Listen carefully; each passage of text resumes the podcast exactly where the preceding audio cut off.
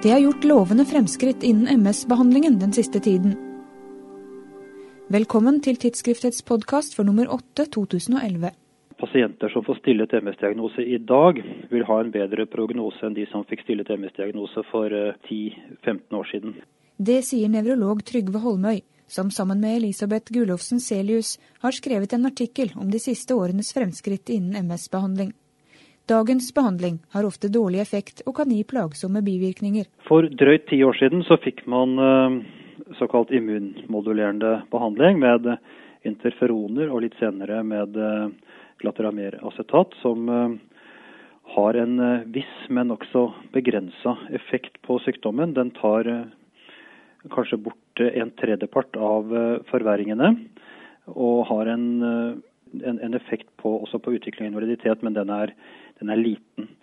Og disse medisinene har i tillegg eh, den ulempen at de må injiseres av pasienten sjøl, enten under huden eller inni muskulaturen, eh, fra daglig til ukentlig. Noe som er ubehagelig og besværlig. Slik at man har både hatt mye plagsomme bivirkninger og, og dårlig effekt, eller liten effekt av, av behandlingen. Men nå finnes det altså nye behandlingsalternativer. En svært lovende utvikling, ifølge Holmøy.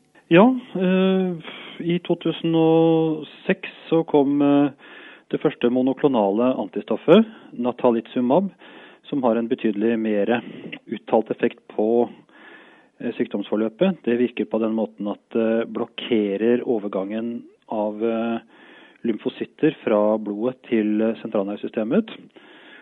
Og I tillegg så blir det nå i løpet av veldig kort tid registrert et peroralt medikament, Pingolimod, som også har en betydelig mer uttalt effekt enn eh, både interferoner og glatirameracetat. Og det eh, har i tillegg den fordelen at det kan eh, spises da som tablett. I Norge er rundt 7000 personer rammet av multipel sklerose, som hos de fleste starter med mer eller mindre forbigående episoder med nevrologisk dysfunksjon, såkalt attakk. Enten i form av en synsnervebetennelse eller anfall med dobbeltsyn eller nummenhet eller lammelse eller et annet nevrologisk problem som går tilbake, og så kan det gå kort eller lang tid, så kommer det et nytt. Hos mange så vil det da være slik at sykdommen etter noen år går over til en eh, såkalt sekundær progressiv sykdom, hvor man får gradvis utviklende lammelser og nevrologisk utfall hvor det ikke er sånne typiske forverringer og forbedringer. Og så er det en liten del av pasientene, kanskje 10% som har en jevn progredierende sykdom fra starten av, som er en alvorligere type MS, og som kalles primærprogressiv MS. De nye medikamentene er ikke bare lettere for pasienten å ta, fordi de kan inntas som piller i stedet for sprøyter, men de forbedrer også prognosen, bl.a. ved å redusere antall nye attakker. Som de fleste andre medikamenter har de imidlertid også bivirkninger. Dette er jo veldig potente immunmodulerende stoffer, eh, så de eh, har eh, potensielle bivirkninger som kan være alvorlige. Og for natalisumab så har det bestått i at ca. 1 av 1000 pasienter har fått en opportunistisk infeksjon i hjernen som skyldes at et latent virus som omtrent halvparten av befolkningen bærer, nemlig JC-virus, blusser opp. Og det gir en alvorlig infeksjon i hjernen som kalles progressiv multifokal leukoencefalopati, eller PML.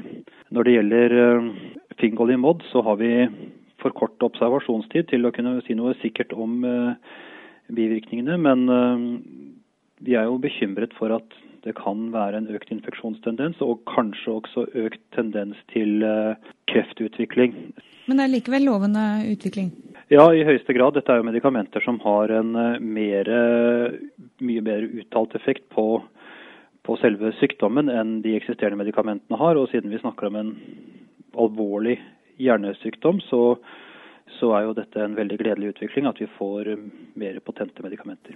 Dessverre ser det ikke ut til at pasienter med progressiv sykdom, enten det er primær eller sekundærprogressiv, har samme effekten av de nye medikamentene. Og Dette gjelder jo en stor del av dagens MS-pasienter som allerede har progressiv sykdom. og For dem så, så, ser det dessverre slik ut at eh, de ikke får den samme nytten av de nye fremskrittene. Du kan lese mer om fremskritt og begrensninger innen MS-behandlingen i Holmøy og Selius' oversiktsartikkel i tidsskriftet nummer åtte. Jeg heter Eline Feiring, og vi høres igjen om to uker.